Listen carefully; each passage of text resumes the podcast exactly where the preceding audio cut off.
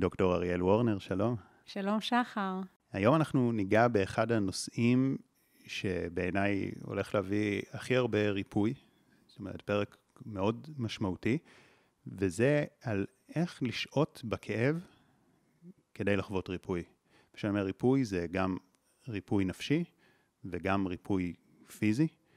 את הדוקטורט שלך עשית בפסיכולוגיה טרנס-פרסונלית, אולי נדבר בהמשך מה זה. את גם פסיכותרפיסטית, מנחת קבוצות, מרצה. אולי תספרי בהמשך גם על התואר השני שלך, שהוא במדעי הרפואה, נכון? Mm-hmm, זאת אומרת, הוא כן, עוסק כן. גם, גם בגוף, ומכאן מגיע גם הקשר גוף ונפש, שנראה גם לאן הפרק הזה יותר ייקח אותנו, אם יותר לריפוי הנפשי ושל מערכות יחסים, או יותר לגוף. אני חושב שזה בסוף הכל ביחד, זאת אומרת, אה, נכון. כשמרפאים מהשורש, אז זה מרפא את הכל. ואני אפתח בשאלה, למה בעצם לשהות בכאב, ומה זה אומר לשהות בכאב? האם זה אומר שבתרבות שלנו אנחנו בורחים מכאב, שאנחנו אולי מדחיקים, שאנחנו אולי מדכאים את הכאב ורגשות?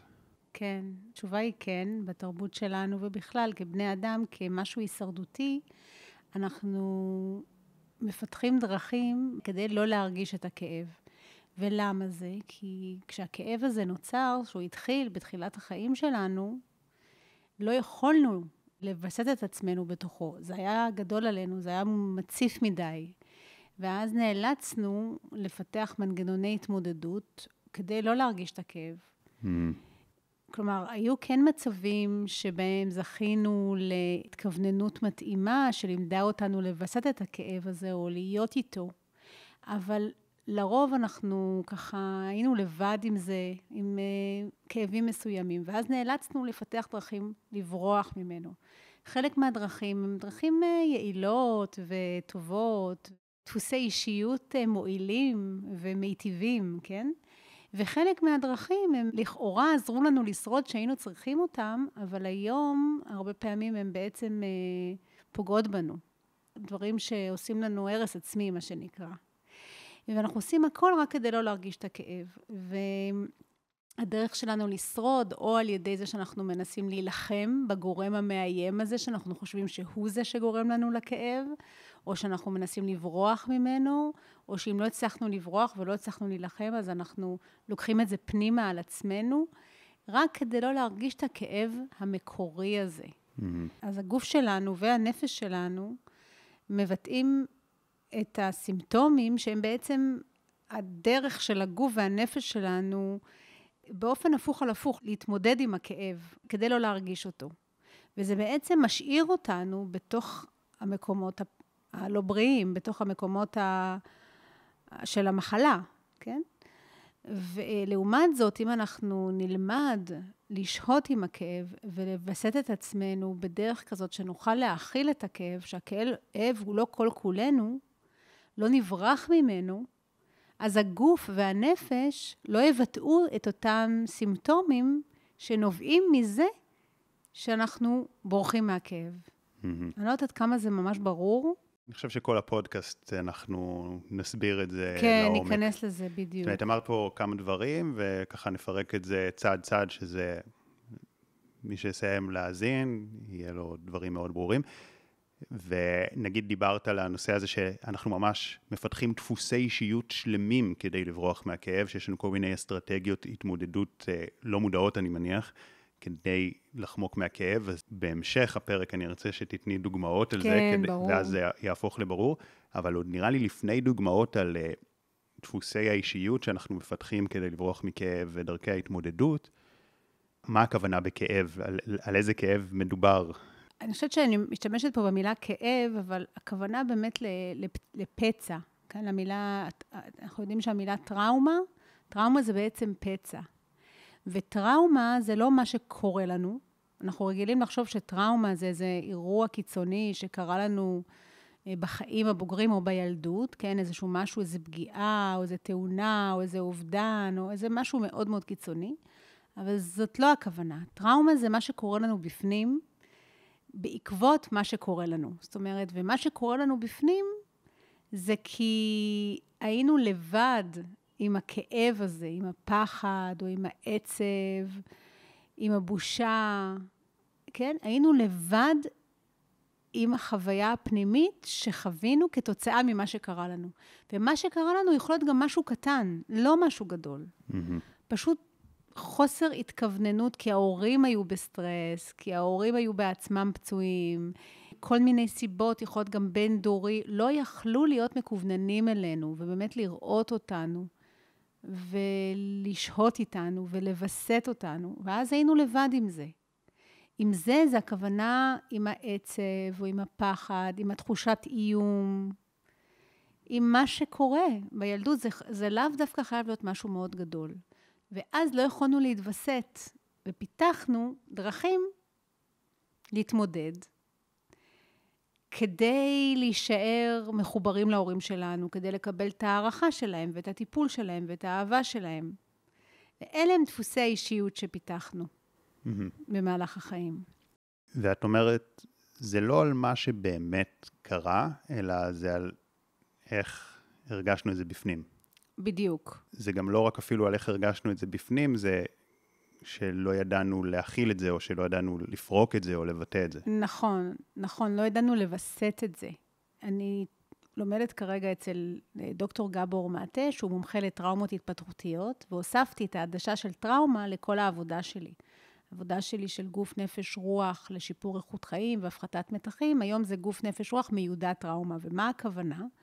הכוונה זה של לקחת בחשבון את אותו פצע, את אותו כאב שנוצר בתחילת החיים שלנו, ולפעמים עוד לפני שנולדנו בכלל, ברחם. כי גם הסטרס של אימא שלנו השפיע על ההתפתחות שלנו ברחם. ואיך שנולדנו בתהליך של הלידה ותחילת החיים שלנו. אז כן, המקום הזה של חוסר ההתכווננות הזאת וחוסר הוויסות הזה, גרם לנו להיות בסטרס, לפתח דרכים כדי לשרוד. Mm-hmm. ועל הדרך איבדנו את הקשר עם עצמנו כתוצאה מזה. כי היינו צריכים לפתח כל מיני דרכים בשביל לשרוד. דרכי ההתמודדות האלה מנתקות אותנו מעצמנו, כי אם אנחנו לא למדנו להיות מבוסתים עם הכאב הזה, זאת אומרת, הרגשנו עצובים. נניח נפלנו, סתם דוגמה מטאפורית, אנחנו, ילד נופל, יורד לו דם.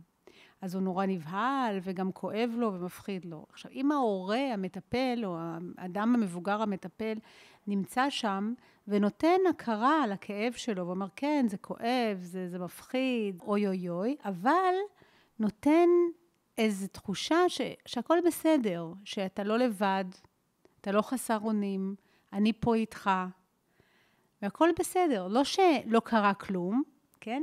הורה לא מבוסת יגיד, לא קרה כלום. הורה שלא מסוגל לשהות עם הכאב של הילד שלו, יגיד, לא קרה כלום, תהיה חזק, כן? לא לבכות, תהיה חזק, וכן הלאה. מצד שני, גם הורה לא מבוסת יכול להיות בדיוק הפוך, לעשות מזה דרמה שלמה, אוי אוי אוי, להיכנס להיסטריה, ללכת לבית חולים, טה-טה-טה-טה, כן?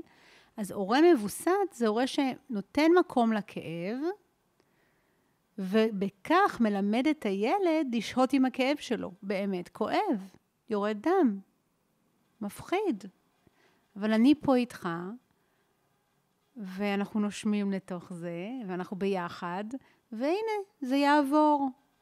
ואז אותו ילד לומד בחיים שכשיקרו דברים שילחצו לו על הכפתור הזה, כן, זאת מטאפורה, הילד עם הדם, אבל יקרה משהו שידליק עוד פעם את הכאב, או את העצב, או את הבושה, או את משהו שיש שם, ילד שיודע לווסת את עצמו הופך להיות מבוגר שמבוסת, שיכול להרגיש עצב וכעס ובושה ופחד, ולא מוצף מזה, ולא רץ להגיב, ולא נמצא במצב אה, של אה, הישרדותיות ומופעלות, אלא יודע להכיל את זה, לא לחנוק את זה, לא לגבור את זה מתחת לשטיח, אלא פשוט להיות עם זה.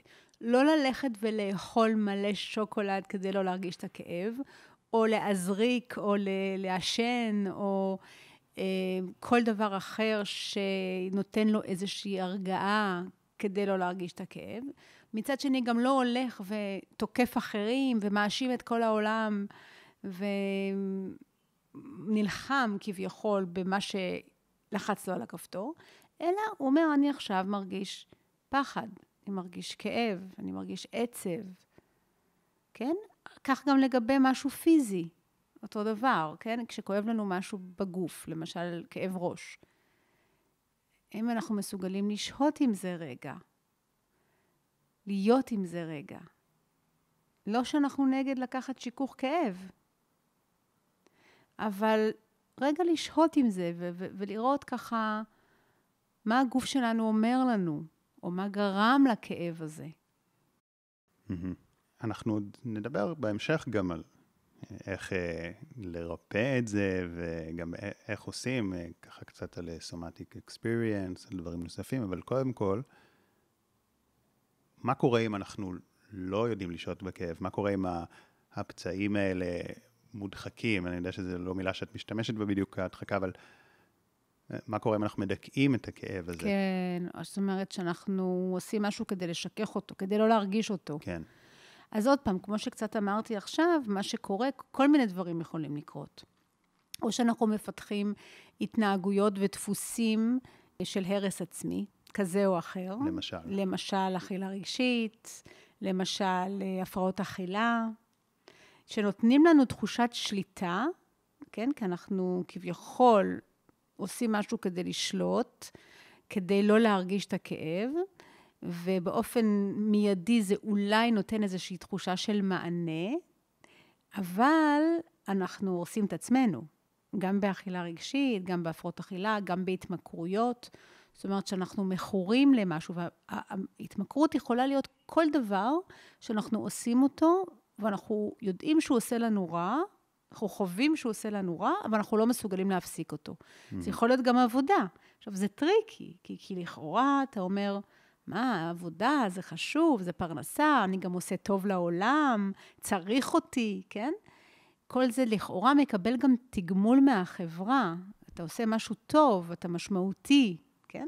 שזה נהדר. אבל אם אתה עושה את זה מהמקום הזה שבורח מהכאב, שעושה את זה גם כדי להרגיש משמעותי, כדי להרגיש בעל ערך מתוך המקום שלא מרגיש שווה, זה בסופו של דבר לא יועיל. זה ישאיר אותך עם החוסר ערך הזה, כי אתה עושה הכל כדי להרגיש שווה. מה שנמצא מתחת לכל זה, זה חוסר ערך. לעומת להיות מסוגל רגע לשהות עם החלק הזה בתוכך שמרגיש חסר ערך. לשהות איתו. כי הילד הקטן הזה שהרגיש חסר ערך, מה הוא למד? הוא למד שהוא צריך להיות חכם, שהוא צריך להיות תלמיד טוב, לרצות את ההורים, הוא למד שהוא צריך אה, אה, להיות חמוד, כל מיני מנגנונים, כן? כדי להרגיש שווה. או שהוא הלך וחיפש דברים שישכחו לו את הכאב של החוסר ערך, וזה ההתמכרויות. אז זה דרכים שונות כדי לא להרגיש את החוסר ערך. אז מה באמת הבעיה עם זה? זאת אומרת, איך זה נראה, כי הרי כולנו עובדים, או לפחות רובנו, ומה בעצם ההבדל בין מישהו שעובד מתוך uh, ניסיון לפצות על חוסר הערך שלו, והאם זה מתבטא כלפי חוץ, או שזה רק בתחושה הפנימית? אז זה מאוד מעניין, כי זה מתבטא בזה שזה פשוט גורם לסטרס. כי אתה זוכר שאם אתה עושה את זה בעיקר מהמנגנון ההישרדותי שלך, אתה בעצם מנותק מעצמך, כי אתה עושה את זה כדי לקבל הערכה. אבל נטשת את עצמך בדרך. ואז מה שקורה זה שזה יוצר סטרס. יש לנו שני צרכים. צורך אחד בהתקשרות, התקשרות, כשהיינו קטנים, כדי לקבל טיפול, אבל ההתקשרות הזאת זה כדי להרגיש שווה ולהרגיש אהוב ולהיות נוכח. והצורך השני שלנו זה להיות אותנטיים, להיות מחוברים לעצמנו. וכשאנחנו מפעילים דפוסי הישרדות של, כדי להשיג את ההתקשרות הזאת, את ההערכה, את האהבה, את הנראות שלא קיבלנו, ואנחנו נוטשים את עצמנו, אז הגוף שלנו בסטרס. וכשהגוף שלנו בסטרס, אז אתה יודע, ברמה הביוכימית ונוירוביולוגית מופעלים כל מנגנוני הסטרס בגוף, שמשפיעים כמובן גם על הגוף וגם על הנפש, וכן זה הולך ביחד, כמו שאנחנו מבינים. בסופו של דבר זה ממש לא לטובתנו. אבל אנחנו מכורים לעבודה, או אנחנו מכורים לדבר הזה. זאת אומרת, בן אדם יהיה מכור לעבודה, וזה יבוא מתוך uh, פיצוי על תחושת חוסר ערך, אז הוא יהיה בדבר שפחות מדויק לו? הוא יהיה בדבר שפחות מדויק לו מעצם זה שהוא לא אותנטי. תסבירי אותנטיות. ש... אז זהו, שאותנטיות זה באמת להיות קשוב ו... ומחובר לעצמנו. גם אם uh, אנחנו נאכזב, או גם אם אנחנו כביכול לא נהיה ילדים טובים, mm-hmm. אבל אנחנו מחוברים לצורך שלנו, ואנחנו מחוברים לאמת שלנו, אנחנו מחוברים למה שנכון לנו, מה שמתאים לנו.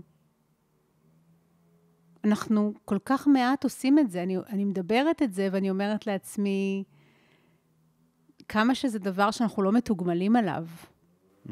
אנחנו לא רגילים לזה. כן. עכשיו, אני לא אומרת שזה במאה אחוז מהזמן. לפעמים אנחנו עושים דברים שלא מתאים. למרות שלא מתאים, אנחנו עושים את זה. אבל לענות לשאלתך, אם אני עושה יותר מדי דברים שלא מתאים לי, ולאורך זמן, אז כן, אני עושה דברים שלא מדויקים.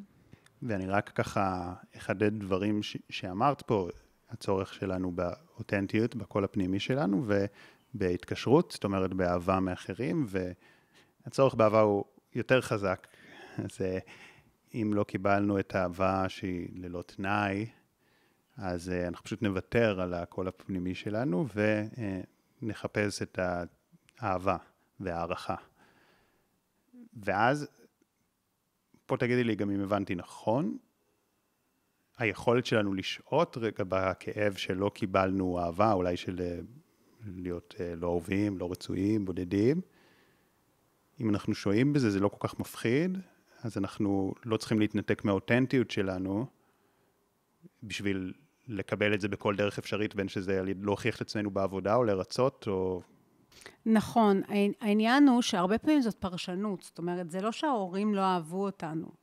כן. אבל בגלל הסטרס שלהם נניח, אני לא מדברת על מצבים של התעללות וכו', שזה גם עוד יותר קיצוני, אבל שזה גם נכון. גם הורים מתעללים, בואו ניתן להם את הקרדיט שהם כן מרגישים אהבה, אבל הם עדיין אה, פוגעים, כי הם פגועים בעצמם. אנחנו מפרשים על עצמנו שאנחנו לא אהובים ולא רצויים, ו, ובמקום הזה, זה נורא, נורא נורא מפחיד להיות, כי כאילו אני, אני לא רצוי, אני לא אהוב, אז מי יטפל בי? כן? אז אני עושה הכל כדי לקבל את, ה, את הטיפול, את האהבה, את ההכרה, כן? עכשיו, נכון, היום כבוגר, יש פה בוגר. אז לא היה. אז היית חייב להתנתק מעצמך כדי לקבל את האהבה. אבל היום כבוגר, אתה יכול לפתח דרכים, וזה הריפוי, להיות נוכח שם עם החלק הזה של הילד הקטן המפוחד, הנטוש, בחוויה של הלא אהוב, כן? אתה היום כבוגר יכול להיות שם עם זה, והטיפול הוא ללמוד לווסת את עצמך, להכיל את עצמך ולה... לתת לחלק הזה להיות. זה לא כל כולך, אבל לתת לחלק הזה להיות, לתת לו הכרה. Mm-hmm. להבדיל מי להתעלם ממנו ורק לשרוד. כן. אם אני רגע עושה שוב איזה סיכום ביניים על כל מיני דרכי התמודדות שיש לנו כדי לא לגעת בכאב, אז אה, דיברת קודם כל על אה, התמכרויות, או כמו אכילה רגשית, אבל זה לא רק זה, זה כל ההרגלים שפוגעים בנו, אה, שזה... כולל העומס יתר. כן, הדברים, הנאות רגעיות, אז, אז קודם כל כל ההנאות הרגעיות שמשככות כאבים. כן, גם ספורט, דרך אגב, שלכאורה זה משהו טוב, לא לכאורה, זה משהו טוב, ספורט, אבל כשאנחנו עושים אותו כדרך לא להרגיש את הכאב, אז הוא הופך להיות, ואנחנו מכורים לו, זאת אומרת, הוא יכול גם לפגוע.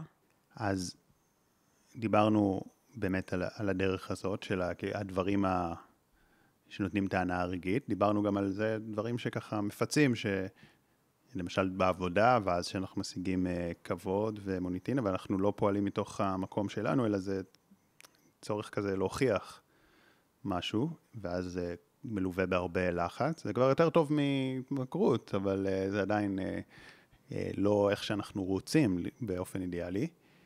אה, דיברנו גם על ריצוי. נכון. שזה גם, אה, זה, דיברנו בכלל, כאילו להתנתק מה... להתנתק מהקול הפנימי שלנו כדי לקבל אהבה, כי אנחנו לא יכולים להכיל את זה, ש... את הכאב של לא לקבל אהבה. נכון. איזה עוד דרכי התמודדות יש, ואיזה עוד דפוסי אישיות מתפתחים כתוצאה מכך ש... כן, לא מצליחים לגעת גם מצבים, למשל מצבים של פרפקציוניזם. Mm-hmm. דפוס התמודדות של פרפקציוניזם, כן? או אפילו אה, OCD, או אתה יודע, צורך שדברים יהיו בדיוק, בדיוק, בדיוק כמו שאני רוצה שהם יהיו, ואם הם לא 100% כמו שאני רוצה, אז אני זורקת את זה לפח. דפוס אה, התמודדות של מה שנקרא פיצול, כן? זה או שחור או לבן, קוטביות כזאת. זאת עוד דרך כביכול לשלוט במציאות. כי אני מפתחת באופן לא מודע איזשהו דפוס שמאפשר לי תחושת שליטה. זה הצורך הזה שזה יהיה בדיוק כמו שאני רוצה, וגם הצורך שזה יהיה מושלם. שאם משהו לא בסדר, אני לא יכולה להכיל את זה. כי אם משהו לא בסדר, זה מציף אותי. Mm-hmm. אני חייבת להיות הכי טובה שיש והכי מושלמת שיש. Mm-hmm. וחוסר היכולת לקבל את הפגיעות בעצם, את חוסר המושלמות, את הסדק. כי כשהיה לא מושלם והיה סדוק, זה היה ענק מדי, לא יכולתי להכיל את זה. אז אנשים מסוימים מפתחים באמת את הדפוסים האלה המאוד נוקשים, שזה טווח גדול. פרפקציוניזם, OCD, control freak, מה שנקרא, כן? עכשיו, מצד אחד, אתה יכול להגיד, מה, זה ממש מצוין, זה בן אדם שעושה דברים כמו שצריך, זה בן אדם נורא נורא מסודר, הוא אמין, וזה הרבה יותר נכון שזה יהיה ככה ולא אחרת, וכן הלאה וכן הלאה. שזה נכון, מצד אחד. מצד שני, זה גובה מחיר מאוד גדול מבפנים. כי הוא כל הזמן חייב להיות בשליטה. והוא כל הזמן מחזיק. עכשיו, איפה נכנס פה העניין של הפצע? כי, כי יש פה את העניין של לשהות עם החוסר שלמות. עכשיו, למשל, נגיד, אה, בכל דבר שאנחנו עושים, אנחנו עושים עכשיו פודקאסט, מן הסתם, אם נחפש שזה יהיה מושלם, אז אנחנו נקליט את זה פה בלי סוף. בדיוק. אנחנו כל שנייה נעשה סטופ ונקליט מחדש, כי היה איזה משפט שהוא אה, לא בדיוק לפי הסדר המושלם. נכון. זה, אז זה גם היכולת לשהות עם חוסר שלמות בכאן ועכשיו, אבל את דיברת פה גם על משהו שיש לנו איזה פצע ילדות. נכון. אז איפה נכנס פה הפצע ילדות? אז זהו, החוויה הזאת שזה לא מושלם. אם אנחנו רגע נעצור שנייה ונהיה רגע, מה זה אומר זה לא מושלם? זה לא מושלם, בסופו של דבר, אם נשהה עם זה וניכנס פנימה, ניקח את זה לזה, אני לא בסדר, אני לא מושלמת, אני לא בסדר. אני לא בסדר, אני לא שווה, וזה הפצע ילדות. היינו צריכים להיות בדיוק בדיוק כמו שהיינו צריכים להיות כדי לקבל אהבה, כדי להיות קיימים. ואם לא קיבלנו את זה, אז פירשנו על עצמנו שאנחנו לא בסדר, שמשהו דפוק בנו, שאני לא מספיק טובה. זה הפצע. כי אם הייתי מספיק טובה, היו רואים אותי, היו, היו איתי. אז הייתי צריכה לפתח מנגנוני הישרדות לנסות להיות הכי טובה שאפשר, ולנסות להיות מספיק טובה, כדי שיהיו איתי. אז הפצע הזה, אני לא מספיק טובה, אני לא... מה זה אומר אני לא מספיק טובה? אני לא קיימת, אני לא שווה. זה לוקח לכל מיני מקומות מאוד מאוד כואבים. האמונה שאני לא קיימת, או אני לא שווה, או אני לא מספיק, זה הרבה הרבה כאב, הרבה עצב, הרבה בושה. אני לא מספיק טובה, אז אני חייבת לדאוג לזה שזה יהיה מושלם, כדי שאני אהיה שווה. וזה איזשהו פצע שהוא מהילדות, הוא לא בא מעכשיו. כן, כן. הרעיון הוא, בגישה הזאת של פצעים התפתחותיים, זה שהדפוסים האלה מתחילים מאוד מאוד מוקדם בילדות שלנו. הפרשנויות האלה שאילצו אותנו להתנתק מעצמנו ולשרוד, קרו לנו מוקדם בחיים שלנו, לכן אלה טראומות התפתחותיות בעצם. Mm-hmm. אז לכן גם חשוב פה להגיד שעוד פעם, מצד אחד פרפקציוניזם זה מתוגמל, אבל זה גובה מחיר. כן. וגם אם זה מוגזם, זה אף פעם לא מספיק טוב. כי מי שיש לו את הדפוס של הפרפקציוניזם, בשבילו זה אף פעם לא מספיק טוב. כי זה בא מהפצע. הוא מקבל סיפוק לשנייה, ושנייה אחר כך זה כבר עוד פעם לא מספיק טוב. כן. אולי נדבר תכף על עוד דרכי התמודדות כאלה, ודפוסי אישיות שמתפתחים כתוצאה מהפצע, אבל בא לי רגע לגעת גם בנושא של קשר גוף ונפש, כשהגוף אומר לא. כן, גם לי בא לגעת בזה. אז איך חוסר היכולת לגעת בכאב נפשי ולשהות בכאב יכול להוביל בסופו של דבר לכאב פיזי, או... או מחלה. מחלה פיזית. מחלה פיזית, כן? אז באמת, מה שקורה זה שכשאנחנו מתנתקים מהאותנטיות שלנו, מהאותנטיות מהנשמה שלנו, מהמהות שלנו, מבחינה ביולוגית, מה שקורה זה שהגוף נמצא במצב של סטרס. סטרס זה הורמונים של סטרס, זה מערכת נוירולוגית בסטרס, ואז לאורך זמן מתפתחת בעיה פיזית, מחלה פיזית. כי הרי סטרס משפיע על כל הגוף, על כל המערכות בגוף. עכשיו, איפה בדיוק המחלה הפיזית מתפתחת? כשאדם עושה את החקירה שלו, הוא נכנס דרך הגוף, כן? דרך התחושות בגוף ודרך המחלה, דרך הסימפטומים בגוף. אם הוא בוחר לעשות את העבודת ריפוי מהסוג הזה, הגוף יאותת לו ויעלה לו דברים שקשורים לנפש, לרגשות ולמחשבות ולזיכרונות של אירועים בילדות, או חוויות ילדות, תחושות בילדות שקשורות לפצע. עכשיו, אני נורא נזהרת, כי זה לא סיבתי.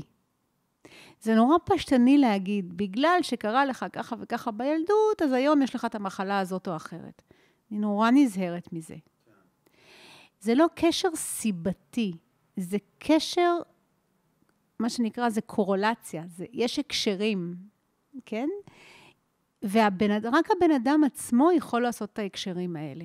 נכון שיש כל מיני אסכולות ומיפוי, כמו שגם ברפואה הסינית, שאיבר כזה מיוחס לרגש כזה, ו- ויש ערך במפות האלה, כן? יש גם אנשים שנותנים איזה שהם הכוונות ואומרים שמחלות כאלה ואחרות קשורות לרגשות כאלה ואחרים, ויש לזה ערך. אבל בסופו של דבר זאת החקירה של הבן אדם עצמו. דרך התחושות בגוף, הגוף מוביל אותו לזיכרונות מסוימים ולחוויות מסוימות שקרו בילדות, שהוא שם להתנתק מעצמו. באיזה אחוז זה באמת ככה? זאת אומרת שאם נחשב למישהו יש כאב אה, בכתף, בבטן או הראש, או מחלה יותר רצינית, באיזה אחוז זה באמת קשור לעבר? אוקיי, okay, אז אם אתה שואל אותי, ואתה שואל אותי, mm-hmm. אני בדעה שזה תמיד קשור למשהו נפשי. Mm-hmm. שקרה בעבר, מה זה, המקור של זה זה בחוויות ילדות. כי כן. גם אם נגיד, אתה יודע, יש אנשים שאומרים, נגיד, שפתאום הם קיבלו סרטן, והם עצמם אומרים, וואו, אני עברתי עכשיו חמש שנים מאוד מאוד קשות של גירושים, או של מה שזה לא יהיה, ואני יודעת שהסרטן הזה הגיע לי בגלל זה, אוקיי? כתוצאה מהסטרס. אוקיי. אבל הסטרס, למה הסטרס היה בתוך הגירושים? הסטרס היה, ודרכי ההתמודדות עם הסיטואציה, במערכת היחסים הלא מיטיבה הזאת, היא קשורה לטראומות ילדות. אז אם אתה שואל אותי, הכל קשור בסופו של דבר לטראומות ילדות וטראומות בכלל. זה קורה אבל עם איזה מתווך מגשר של סטרס? זאת אומרת שסטרס קשור לכל המחלות, כן. וטראומות ילדות מייצרות סטרס. ושוב, גם כמו שאמרת, זה מאוד מורכב, אני, אני גם שמח שאמרת את זה, כי אני עושה הרבה פודקאסטים על ריפוי, אני חושב שזה הנושא, בדקתי, שעשיתי עליו הכי הרבה קשר גוף ונפש, הכי הרבה פרקים, וצריך להיות מאוד, uh, להישאר עם המון ענווה. מאוד. בכלל, אני חושב, אבל uh, עוד יותר בתחום הזה, כי... כי זה לא פשוט, ויש אנשים שמתמודדים והם עושים מאמצים מאוד גדולים, וזה עדיין לא קורה, ו... ואז הם יכולים להרגיש על זה אשמה, כי אולי... בדיוק. אז ו... לכן אני מאוד זהירה. כן, אנחנו עושים את הכי טוב שלנו, ו... זה כל העניין, בחמלה. המילה חמלה זה compassion. compassion בלטינית זה להיות עם הכאב. ואני חושבת שזה ממש ממש חשוב. אתה, אתה מאוד צודק, אני מאוד מאוד זהירה. אנחנו לא לוקחים את זה למקום של אה, אשמה. אנחנו לוקחים את זה למקום של לשהות, לשהות עם הכאב, לא כדי להבריא curing בהכרח, אלא מתייחסים למחלה כהזמנה להתבוננות וריפוי. אבל זה גם, דרך אגב, לא אומר שלא נעזרים במשכי כאבים, ולא נעזרים גם ברפואה קונבנציונלית, גם את זה אני רוצה פה לסייג, כן? אין הכוונה שהעבודת הזאת היא במקום רפואה קונבנציונלית. מי שבוחר לעשות גם רפואה קונבנציונלית, זה לחלוטין uh, תקף. הנקודה היא שהקול הפנימי שלנו לוקח אותנו לריפוי שלנו. כן. ובלי שיפוטיות, ובלי אשמה, אלא באמת, זה בדרך כלל גם וגם וגם. כן, ושזה יכולה להיות דרך, וצריך לנסות הרבה דברים, זאת אומרת, אין פה ממש מדע סופר מדויק, שכאילו, כמו שאמרת, ש, שזה בעיקר מה שרציתי להגיד, שאנחנו לא, לא תמיד יודעים, נעשה X וזהו, זה יבריא, זה לא, זה לא עובד ככה, זה... זה ממש לא עובד ככה. וזה, כי זה המודל הביו-רפואי. המודל הביו-רפואי הקלאסי, הוא אומר, יש בעיה, צריך לתקן אותה. וזה לא הגישה.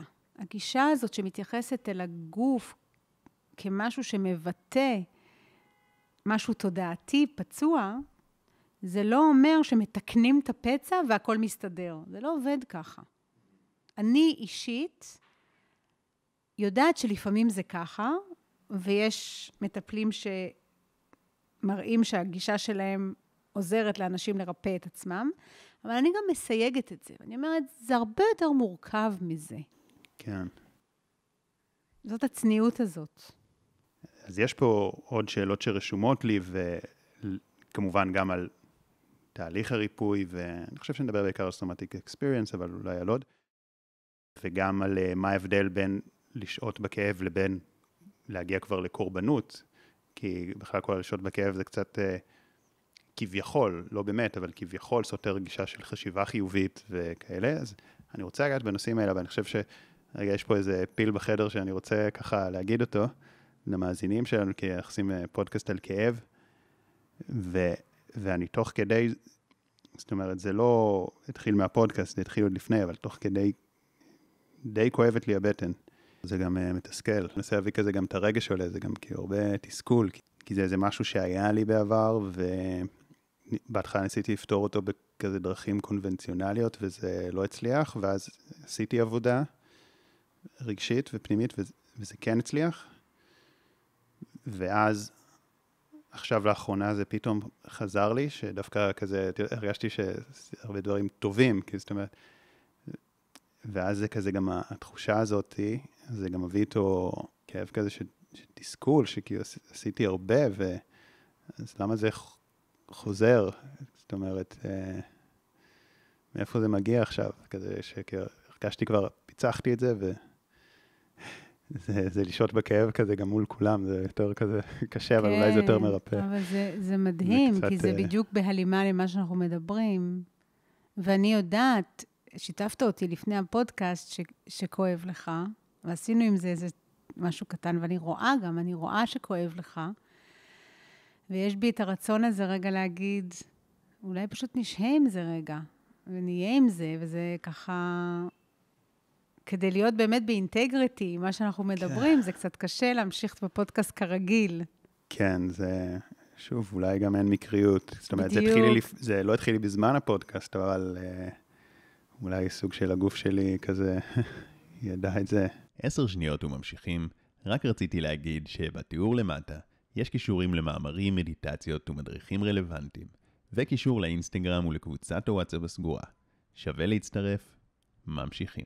האמת שזה, אני חושב שזה באמת חשוב לשתף את זה, כי, כי אני בטוח שלעוד... בטוח לעוד אנשים, ברור. שזה לא קורה כבר, וזה גם עם זה לשהות. ו... גם עם התסכול לשהות, כן. וגם עם הצורך הזה שזה לא יהיה. כן.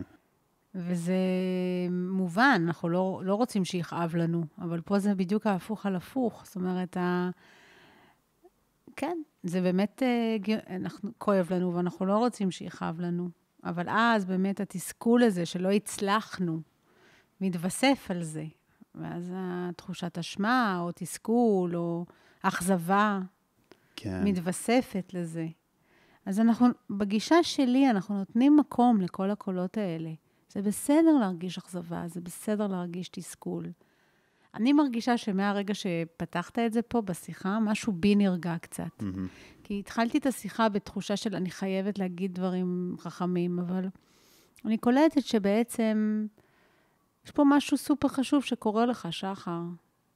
גם, ויום הולדת זה לא רק מספר, אתה יודע, כוכבים, לגמרי, מסתדרים, אה, ו... כן. יש לזה, אני לא מבינה כלום באסטרולוגיה, אבל אני יודעת שיש, אני מעריכה את זה. כן. אני יודעת שיש לזה גם חיבור. כן, לא, אני גם, גם עשיתי התבוננות, אפילו, אפילו משמעותית מאוד. האמת שהיום חשבתי, אני יודע שהדבר הזה פעם קודמת בא לי גם כשהייתי צריך לעשות שינוי מאוד גדול בחיים שלי, ולא עשיתי אותו, ואז זה בא לי כדי לגרום לי לעשות את השינוי. וכשעשיתי את השינוי, זה עבר. זו דוגמה ממש טובה, כי הייתי צריך לעשות שינוי שהוא בחיים בהווה, כן, משהו מקצועי בעיקר, אבל כדי להצליח לעשות את השינוי, הייתי צריך גם לגעת בפצע ילדות, כי כדי שיהיה לי את הביטחון לעשות את השינוי ואת האמונה בעצמי ואת היכולת לסמוך על עצמי ולהתחבר לאינטואיציה. אז שם עשיתי עבודה, והאמת שזה, אני חושב שהרבה מלגעת בנושאים האלה, זה, זה גם בזכות מה שעברתי. עכשיו עשיתי שוב שינוי, זאת אומרת, עוד לא עשיתי אותו, החלטתי על שינוי מאוד גדול, ו... ואז זה שוב בא לי. אבל בניגוד למה שהיה אז, אז פחדתי לעשות איזשהו שינוי שאינטואיטיבית ידעתי שהוא טוב, אבל לא היה לי את האומץ. זה היה לפני, נראה לי כבר כמעט שלוש שנים. ועכשיו הרגשתי שדווקא הייתי החלטי ואמיץ ומחובר לאינטואיציה שלי, אבל uh, אולי חלק בי עדיין מפחד משינוי. כי כן, יש פה דפוס, זאת אומרת, נראה לי שזה לא מקרי, וגם אולי לעשות את זה יותר מהר. כי אמרתי, טוב, אני צריך שנה כדי ממש לעשות את זה. אז אולי לא לחכות שנה, אני לא יודע. כן. זה שווה בחקירה. שווה כן. לשהות עם זה. זאת ההנחה היא שזה, אני יכולה ממש להזדהות עם זה, כי גם אני אה, התמודדתי עם, אה, כלומר, הייתה לי, ועדיין יש לי במובן מסוים, אבל זה לא סימפטומטי, מחלה גם כן כרונית, כזאת שהרופאים גם, אה, הרפואה הרגילה אומרת שאי אפשר להתרפא ממנה, אבל אני לקחתי את זה בשביל הריפוי העצמי שלי, בשביל הריפוי של הפצע. עכשיו, כשזה צץ, כשזה מרים ראש לפעמים, פתאום, אני גם מתייחסת לזה ואני אומרת, או, מה זה בא להגיד לי? מה הגוף בא להגיד לי? כן, מה, מה המסר פה בשבילי? ואני נכנסת עם זה פנימה. עכשיו, אתה יודע, זה מין גם וגם. מצד אחד אני רוצה כבר שזה יעבור, הכאב. מצד שני, אני רגע שוהה עם זה, ואני אומרת, הגוף קורא לי. כן. דוקטור גבור מטה כתב ספר When the body says no. כן? כש, כשאני לא הצלחתי להגיד לא, כש, כשאני לא הצלחתי להגיד לא לדברים, אז הגוף אומר לא. כן. שאני לא שמתי גבול, שאני לא שמרתי על עצמי, שלא נשארתי מחוברת לאותנטיות שלי, אז הגוף בא להגיד לא. אם מתייחסים לזה ככה, אז כן. יכול להתאפשר עוד ריפוי. כנראה יש דברים ש, שאני צריך להאיץ את ה... יכול להיות שאני בכלל לא בכיוון, ואז uh, יש לי עוד פה הרבה עבודה, יכול להיות שאני גם בכיוון, ואני פשוט צריך להאיץ את התהליכים. שזה גם, uh, עלתה לי היום איזה מחשבה, בהקשר הזה, זאת אומרת, מה זה היום? כאילו כל הזמן האחרון, אני חושב על זה הרבה, ככה נכנס כזה הרבה באיזה מדיטציה וזה.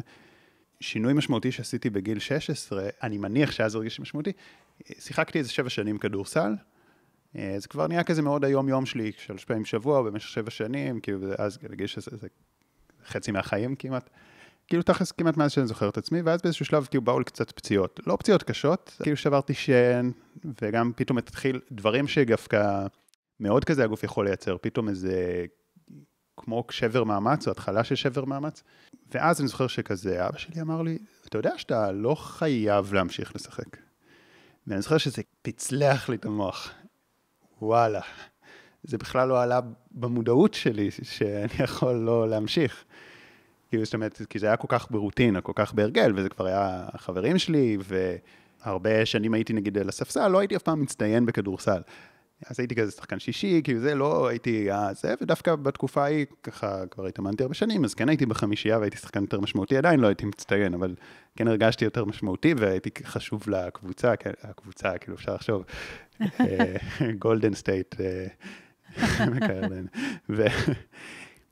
אז אמרתי, מה, אני אוותר על זה עכשיו, אבל כאילו, כן, לקח לזה רגע איזה זמן לחדור, כאילו הייתי צריך כזה שיחה עם עוד שני חברים ככה, כדי שזה ממש יחדור. ואז באמת שיניתי את זה, וזה היה מאוד מבורך וטוב. אבל אז גם חשבתי, איפה, איפה היום יש לי משהו בחיים, ואני חושב שזו שאלה שלכולם שווה לשאול את זה, משהו בחיים שהוא כל כך ברוטינה, הוא כל כך בשגרה שלי, שאני לא שם לב ש, שאני בעצם יכול לשחרר אותו. וזה לא רק זה, זה גם איפה אני משקיע משהו, במשהו שאולי אני אפילו טוב בו, אולי הוא אפילו כיף לי, כי היה לי כיף לשחק כדורסל, בסך הכל, זה לא סבל, זה לא היה משהו רע, היה לי יחסית כיף, הייתי כבר יחסית טוב בזה, זאת אומרת, לא הייתי מצטיין, אבל כבר לא הייתי גרוע, הייתי בחמישייה. אבל זה בפירוש לא היה החוזקה שלי. ואז זה לא, לא היה זמן להקדיש לדברים יותר חשובים. ואז אני שואל, שאלתי את עצמי, איפה היום יש לי דברים, שאני מתעסק בדברים שאולי אני כבר סבבה בהם והשקעתי בהם הרבה זמן, אבל זה מונע ממני מלהקדיש לדבר הכי חשוב. אז אני עם השאלה הזאת, ככה. כן. מאולי הגוף שלי כזה כמו שעשה לי אז. כן, מזמין אותך אה, להרפות מאיזה עוגן כדי אה. להמשיך לצמוח ולהיות עצמך. לקחת את הזמן הזה, כן. לחקור ולהיות בחמלה ו... ולהסכים לפגוש. מתוך המקום של החיבור למשאבים, זאת אומרת, החיבור לתרגול, אתה הזכרת מדיטציה, אז מדיטציה זה באמת איזשהו משאב, או דברים שבאמת עושים לעצמנו את הוויסות הזה, את ההרגעה, שאנחנו לא מופעלים, אלא שאנחנו רגע שוהים עם זה, שוהים עם הכאב, אז יכולות להגיע התשובות. התשובות וגם היכולת להכיל את הכאב, ואז בעצם לא מרגישים כל כך את הכאב, כי הוא, הוא נרגע. שהוא מקבל מקום, זה כל העניין, שהוא מקבל מקום, שהוא מקבל הכרה, שהוא מקבל נראות, אז הוא נרגע. אנחנו, אנחנו מגלים שאנחנו כל כך עסוקים בלברוח, רק לא להרגיש אותו, את הפחד, את העצב, מה שזה לא יהיה. וכשאנחנו נותנים לזה רגע להיות, לא בהזדהות טוטאלית, לא שזה יושב לנו מול העיניים וזה מציף את, כול, את כל כולנו, אלא אנחנו כן יודעים להתווסת, כן? מפעילים את מה שנקרא עצב הווגוס הוונטרלי, כן? לפי התיאוריה של הפוליווגלית של סטיבן פורג'ס. אנחנו מפעילים את המערכת הפרסימפטית, המערכת העצבים שמרגיעה אז אנחנו נרגעים, אבל לא נרגעים כדי לא להרגיש, אלא נרגעים כדי להכיל את הכאב. הכאב לא חייב להיות משהו שהוא מאיים על הקיום שלנו. הוא היה ככה כשהיינו קטנים, ולא היה מי שיווסת אותנו. אבל היום אנחנו יכולים ללמוד לווסת את עצמנו. למצוא שם את המסר. זאת ההזמנה לריפוי. כן, כן. אז שוב, אנחנו תכף גם רגע נדבר, ככה התחלת לווגוס, אה, העצב כן. הווגוס הוונטרלי הדורסלי, אני רוצה שכזה ניגע בזה. עלה לי עוד משהו כזה ש... שאני חושב שהרבה מאוד אנשים יזדהו איתו, אז אני חושב שזה יהיה נכון להעלות את זה. וזה משהו שלא עלה לי הרבה זמן, אז אה, אני דווקא שמח עכשיו שזה בא. כי את הקטע הזה של אה, תסמונת המתחזה. כן. אז את יודעת, אז פתאום כזה, דיברתי, הנה, אני כאילו מדבר הרבה על ריפוי, אבל יש לי פה איזה בעיה שכאילו עכשיו אני לא מצליח לפתור את זה, אז כאילו פתאום עלה לי גם התחושה הזאת. שוב, הם באיזשהו מקום מבסוט, כי, כי, כי אני חושב גם שאחד הדברים שהכי הפחידו אותי לפני עשר שנים, שרק התחלתי, זה אמרתי, אני, אם אני אגיע למצב שכולם כותבים לי הודעות תודה וזה, אז אני, אני עוד בסוף אחשוב שהם...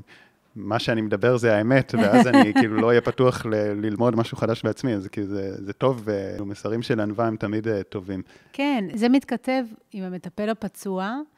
המטפל הפצוע, או הסנדלר הולך יחף, או תסמונת המתחזה, זה שלושה מושגים כזה שהם uh, קצת uh, באיזשהו סוג של תקשורת ביניהם. אני אומרת, אנחנו מטפלים פצועים, שחר. זאת אומרת, ה... בגלל שאנחנו פצועים, אנחנו יכולים להיות שם עם אנשים במקום הפצוע שלהם, ואנחנו יכולים להביא הזמנה לתהליכי ריפוי עבור אנשים, כי אנחנו פצועים בעצמנו. עכשיו, לפעמים זה קצת, הסנדלר הולך יחף, זה גבולי. זאת אומרת, אם אני מאוד מאוד מדברת, נגיד, אה, אני מספרת על טכניקות נשימה, נגיד של art of living, אני עשיתי את הדוקטורט שלי על art of living, נשימות לנשים שחלו בסרטן השד. ואני אומרת, זה נהדר לתרגל נשימות, וזה מפחית סטרס. ו... ואם אני בסטרס ואני לא מתרגלת נשימות, אז כן, בקטע הזה אני סנדלרית הולכת יחפה.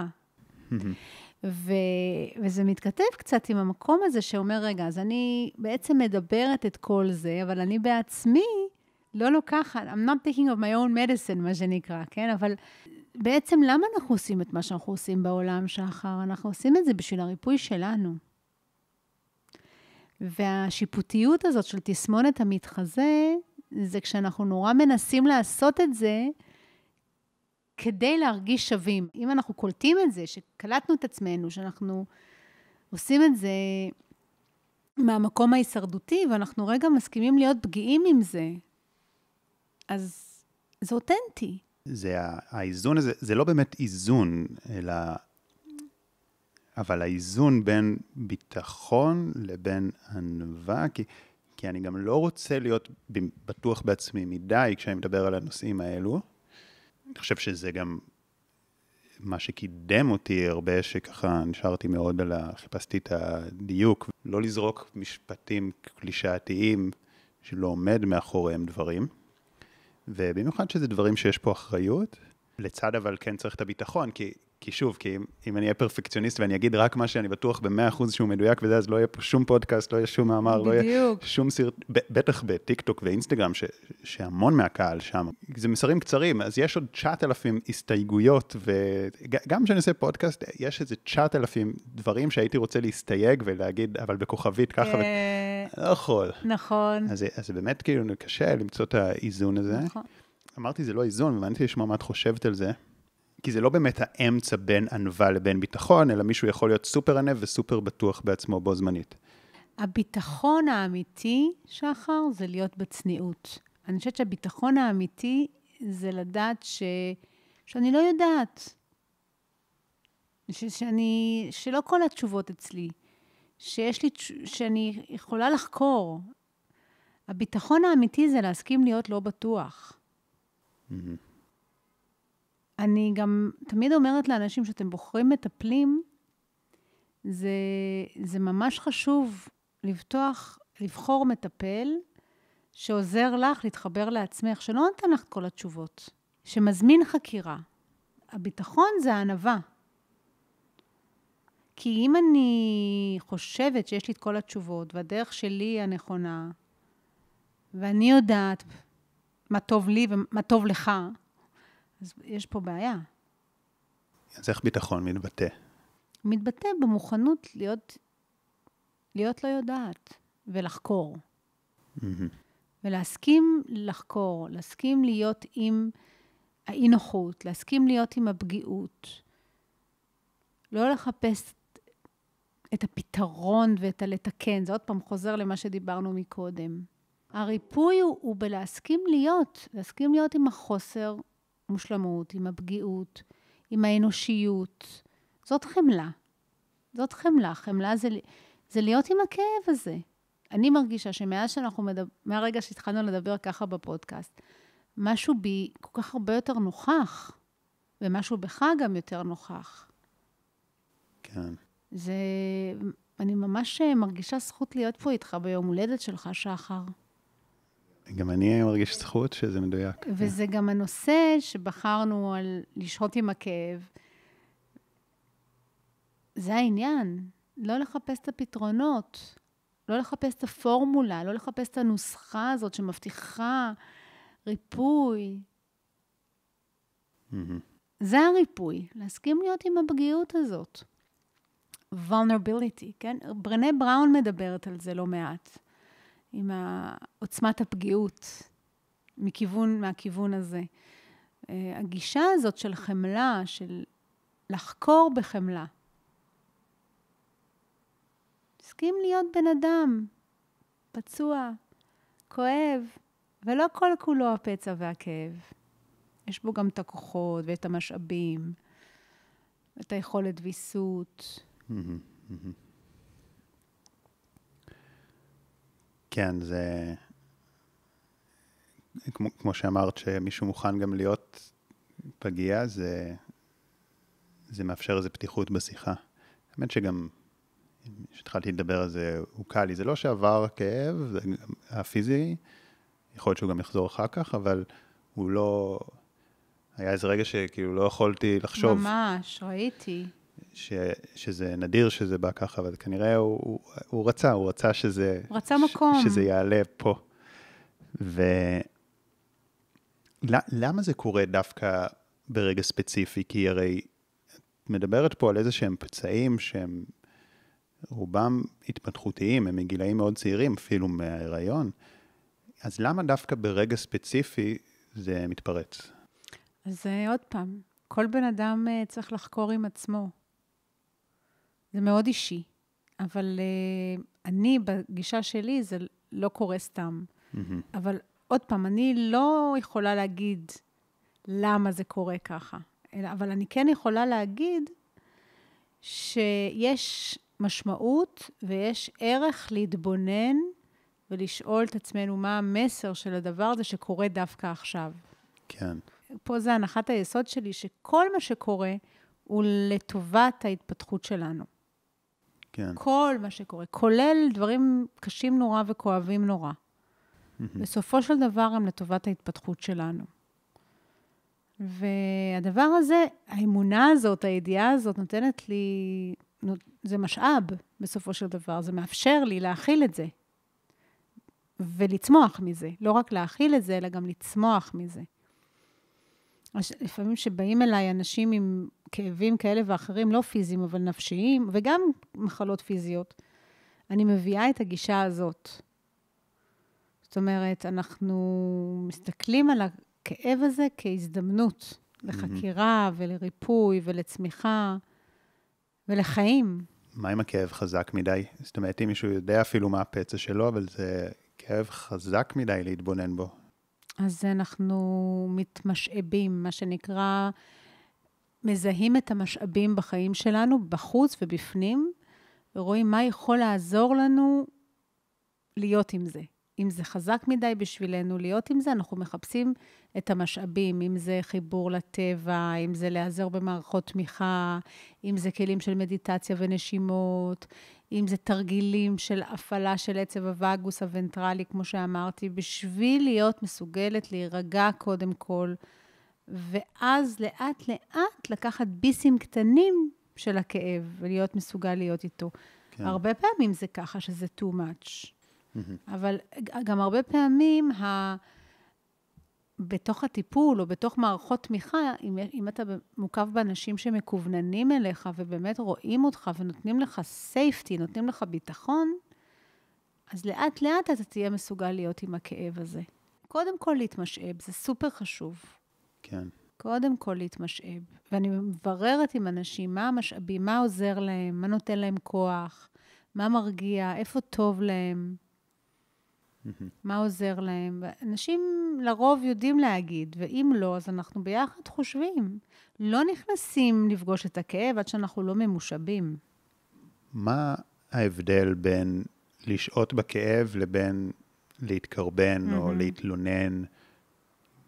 כי יש אנשים שהם נראים שהם סופר בכאב, האם זה נקרא ש... בהכרח לשהות, או, ש, או שבן אדם יכול להיות כזה מאוד uh, מדוכדך ובכאב, ורק לספר לכולם כמה כאב יש בו, בזמן שהוא לא באמת שוהה בכאב. כן, מעולה. אז בדרך שלי, הקורבנות זה שאתה מזוהה טוטאלית עם הכאב, זאת אומרת שאתה חושב, אתה, הוא כל כולך, ולשהות עם הכאב זה, זה מתוך המקום הזה בתוכך, שקצת מתבונן. שהוא לא כל כולו הכאב. איזשהו חלק כזה שמסתכל מבפנים אבל מהצד, כמו עם מצלמת וידאו שמתבוננת. אני ממש, אני יכולה להגיד אפילו אתמול בערב, ממש הרגשתי את זה אתמול בערב, ממש כל מה שקורה לאחרונה זה ככה מאוד מתרגר, כן? זה לוחץ. וממש הרגשתי שנופלת עליי לאות כזאת, והרבה רגשות קשים. רגשות מאוד קשים. אבל יכולתי רגע להיות עם זה. זאת אומרת, יכולתי גם להבין שזה מה שקורה ונתתי לזה מקום. אז זה לא קורבנות, כי יש בי עדיין איזה חלק שנותן לזה מקום. כן. מה זאת אומרת נותן לזה מקום? זאת אומרת שזה לא כל כולי. Mm-hmm. קורבנות זה מקום ש... זה כשאני מזוהה טוטאלית עם זה, ואני מאשימה את כל העולם, ולא לוקחת אחריות. לא לוקחת אחריות זה לא אשמה, כן? זה לקחת אחריות זה ability to respond, זאת אומרת, היכולת להכיל ולהיות עם הכאב. עכשיו, לתת לזה מקום, זה אנחנו מול עצמנו, או שלפעמים זה גם צריך מול אנשים? בטח שמול אנשים, כי לפעמים חלק מהמשאב זה, זה לשתף. זאת אומרת, אני, אבל תלוי את מי אני משתפת. יש אנשים שאתה יכול לשתף אותם, ואז או שקשה להם מדי לראות שאתה, שכואב לך, והם אומרים לך, נו, תתאפס כבר, תפסיקי, הם לא נותנים מקום. או להפך, כן, איזה נורא, איום ונורא, אוי אוי אוי, מה שקרה לך, איזה נורא שאת מרגישה ככה. אז חשוב מאוד להיות מוקפים באנשים שהם לא כאלה ולא כאלה. אנשים שיודעים להקשיב, כן, כואב לך עכשיו, קשה לך עכשיו, את מרגישה ייאוש עכשיו, שומעת את הייאוש שלך, ובאיזשהו אופן מצליחים להרחיב לך את התודעה, או לך את התודעה. לפעמים זה קצת בהומור, לפעמים זה באיזשהו, במשפט כמו, את לא לבד, אני איתך. גם אני מבינה את זה. זה, זה איזושהי דרך מאוד מסוימת של עוד פעם, זה כמו הילד הקטן הזה עם הדם שסיפרתי מקודם, זה להיות, כן לשתף אנשים שלא גורמים לך להזדהות טוטאלית עם הכאב, מצד שני, כן. נותנים לך אפשרות לא להיות לבד עם זה. Mm-hmm. זה חשוב מאוד לא להישאר לבד עם זה. דרך אגב, להישאר לבד עם זה, זה חלק מההתמודדות. לפעמים יש אנשים שזה דפוס ההתמודדות שלהם. הקיפאון הזה של להישאר לבד עם זה, להוריד מסך, להיכנס למערה, ועזבו אותי כולכם. כן. זו דרך התמודדות מאוד פצועה. לשתף ולהיות בחיבור, זה, זה, זה מתאפשר בזכות איזשהו חלק שכן מרגיש בטוח. ואם אין את החלק הזה, אז אנחנו לומדים כן. לחוות את התחושה הזאת על ידי תרגילים פיזיים של עצב הווגוס, נשימות, עכשיו, מגע. אמרת שבעצם הבן אדם שאנחנו משתפים אותו, אה, יש לו חלק חשוב ביכולת שלו להכיל, וזה ברור. לאנשים שונים יש יכולת הכלה שונה, גם ככל שבן אדם הוא בעצמו יציב יותר, אז הוא יכול יותר להכיל. וגם בן אדם שעשה גם... עם עצמו את החקירה. כן, בן אדם שעשה בעצמו. אני חושב שיש גם משהו, אבל באופן שבו אנחנו משתפים. זאת אומרת, אה, אני לא יודע בדיוק לשים את האצבע בדיוק על מה זה, אבל אני יודע שיש אנשים שהם משתפים, ואז יותר קל להכיל אותם, ויש אנשים שזה מין אנרגיה דיכאונית כזאת שהיא קשה, שהיא קשה להכלה. מה זה בעצם גם באופן שבו אנחנו משתפים שעושה את זה לזה, לכך שאנחנו נהיה יותר קלים להכלה, לעומת זה שזה אנרגיה דיכאונית שהיא מפילה אחרים? כן, כי זה עוד הפעם, אם אנחנו, אם אנחנו משתפים רק מהמקום של הילדה הקטנה בפנים, של הפצע, זה נורא מפיל. כלומר, אם, אז אנחנו במקום הזה צריכים לקחת אחריות ולפתח בעזרת טיפול, ללכת לטיפול ולהיעזר במטפלים שיעזרו לנו לפתח בתוכנו את החלק הבוגר, שכן יודע קצת יותר להכיל את הפצע הפנימי. כן. כי אם אנחנו באים ומפילים את זה טוטאלית, ובאים לחבר הזה, או לבן זוג הזה, או למישהו, מתוך המקום הזה של התינוקת או הילדה הקטנה שצריכה שיחזיקו אותה טוטאלית, אז זה מאוד קשה. לרוב, מי שיאכיל אותנו זה מישהו שזה גם הפצע שלו, שכדי להרגיש שווה, הוא צריך להיות המושיע. אתה מכיר את משולש הדרמה, הטראומה, כן? המושיע, התוקף והקורבן. לפעמים המושיע בא להושיע את, התוק... את הקורבן, אבל מתישהו גם הוא, הוא בעצמו נשבר, כי התפקיד של המושיע זה מנגנון התמודדות שלו. בסופו של דבר, שחר, כולנו צריכים לקחת אחריות על עצמנו. וכולנו על הדרך. והכי אנושי, הכי חמלה עצמית שיש. טוב, אז דיברת הרבה על ריפוי, ילך לרפא את הפצע הזה. קודם כל, בכל המהות של הפרק הזה של שהייה בכאב, של לא להתנגד אליו ולקבל אותו, ו- וכל מה שדיברנו. וגם דיברתי קצת עצב הווגוס וכאלה. ואני כן ארצה שקצת יותר תחדדי את הנושא הזה, אולי בהקשר של סומטיק uh, אקספיריאנס. אוקיי, אז תראה, קודם כל, אני לא מטפלת ב Somatic Experiencing, mm-hmm. אני מטופלת ב Somatic Experiencing, אבל Somatic Experiencing זו שיטה שפיטר לוין, דוקטור פיטר לוין פיתח. בעצם זאת שיטה מאוד ממוקדת גוף, כי בעצם חשוב להגיד שטראומה, הריפ, התהליך הריפוי הזה הוא בגוף, הוא לא במילים ובמחשבות. כי הטראומה קורית בעצם בגוף, זה, הגוף ישר מגיב. אז סומטיק אקספיריאנס זו שיטה ממוקדת גוף, שמלמדת אותנו להיות קשובים לתחושות בגוף שלנו, מהמקום המתבונן הזה, זה להיות קשוב ומתבונן לתחושות בגוף, להתחבר בעצם לתחושה של מקום בטוח ומשאב בפנים, ומהמקום הזה לפגוש שם את הפצע בפנים, את הכאב בפנים, וללכת הלוך חזור. זאת שיטה מאוד מאוד uh, ממוקדת גם מיינדפולנס, זאת אומרת קשיבות, בוננות, מאוד כאן ועכשיו, מאוד ממוקדת גוף. דוקטור גבור מטה למד Somatic Experiencing ופיתח את הגישה שלו של חקירה חומלת, שהיא מאוד מתבססת על Somatic Experiencing, והיא קצת ככה, יש לה איזה שהן התפתחויות בכיוון. הרעיון הוא שאנחנו לומדים להיות קשובים לתחושות בגוף, ו... לנוע בתוך הגוף שלנו בתחושת רוגע והרפייה וביטחון. מה שבשפה של עצב הווגוס זה בעצם הפעלה של עצב הווגוס הוונטרלי, שזה הזרוע של עצב הווגוס בזרוע, במערכת הסימפתטית, שזאת המערכת המרגיעה, מערכת העצבים המרגיעה. זה הרוגע הזה, זה הביטחון, זה המקום הזה שמאפשר חיבור, המקום הזה שיודע שיהיה בסדר, כן?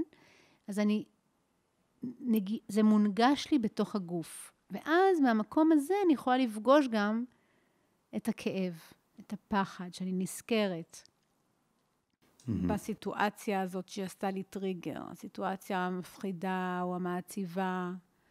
אז אני לומדת מבפנים לשחק עם זה.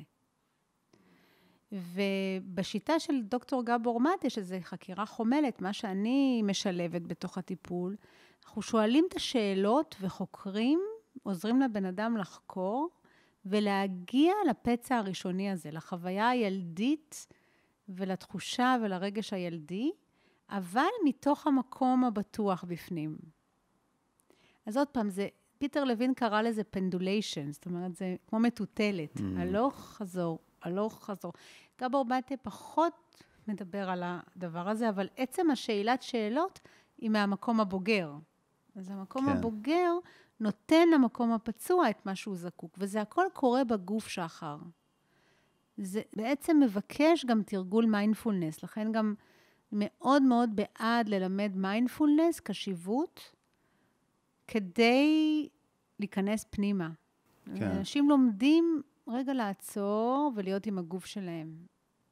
הגוף מספר את כל הסיפור, והריפוי לא יבוא ממילים, ועוד פעם, ריפוי, בהגדרה שלנו היום, זה לא תיקון. Hmm. ריפוי זה לא פיקסט. ריפוי זה שהייה עם, זה להיות עם. זה מאוד שונה. כן. אני מרגישה שמשהו פה קורה בינינו בשיחה הזאת, ככה, אז השעה הזאת היא ממש התפתחה. כן. לחיבור, כן, אה? לא, לא צפינו שככה זה ילך, אבל הלך למקום מצוין, ואני בטוח שזה... יביא הרבה ברכה. אמן. ואני אגיד גם, זה מאוד מעניין להמשיך להתעמק, כי גם יש לך ידע רפואי, ב... זאת אומרת, ככה קצת בעצב הווגוס ואיך אה, כל זה עובד ובפנדוליישן, כי זה, זה עיקרון ששנינו רואים אותו בעוד המון שיטות שלמדנו. בטח. עיקרון שחוזר על עצמו בדרכים שונות, אה, אבל אה, אני רוצה לכבד את הזמן שלך, שאת תכף צריכה לסיים פה, אבל אפשר להגיד גם למאזינים, ש... אם הרגשתם שזה היה אה, משמעותי, ואם זה באמת יגיע לכמות גדולה של צפיות, וכמות גדולה של תגובות שתגידו שאתם רוצים שנעשה עוד פרק, אז אפשר, יהיה נכון. להעמיק בנושאים האלה. אז זה, זה תלוי בכם, וגם אם זה לוקח חודשים ואפילו שנה, כשאתם כותבים בתגובות הרבה על משהו, אז אה, אני עושה, זה כבר אה, קרה, ואני אגיד להם גם שבינתיים, אם הם רוצים עוד ממך, אז אה, אני אשים פה למטה קישור לאתר שלך. יש בו עוד אה, מאמרים ופעילויות, אה, גם נכון. בסינמ- בסינמטק, נכון? ספיריט ו- סינמה, אני מרצה עם, אה, יש לי סדרה שנקראת מבט רוחני על טראומה, ואז יש עוד שני סרטים לזה, אבל אני כל הזמן מרצה עם סרטים שהם קשורים לנושאים האלה. בכל מקרה, פשוט נשים קישור לאתר שלך, ומה מה שיהיה, אנשים יוכלו ליצור קשר, ואני אגיד לך תודה רבה. אה, תודה רבה גם לכם שצפיתם. אם הרגשתם שהפרק הזה נגע בכם, שהוא הוא הביא משהו, אני מאוד אשמח שתשתפו אותו, כי, כי זה הדרך שזה באמת מתרחב ומגיע לאנשים דרך השיתופים שלכם. ושוב, תודה. תודה רבה לך, ממש זכות הייתה להיות פה. תודה.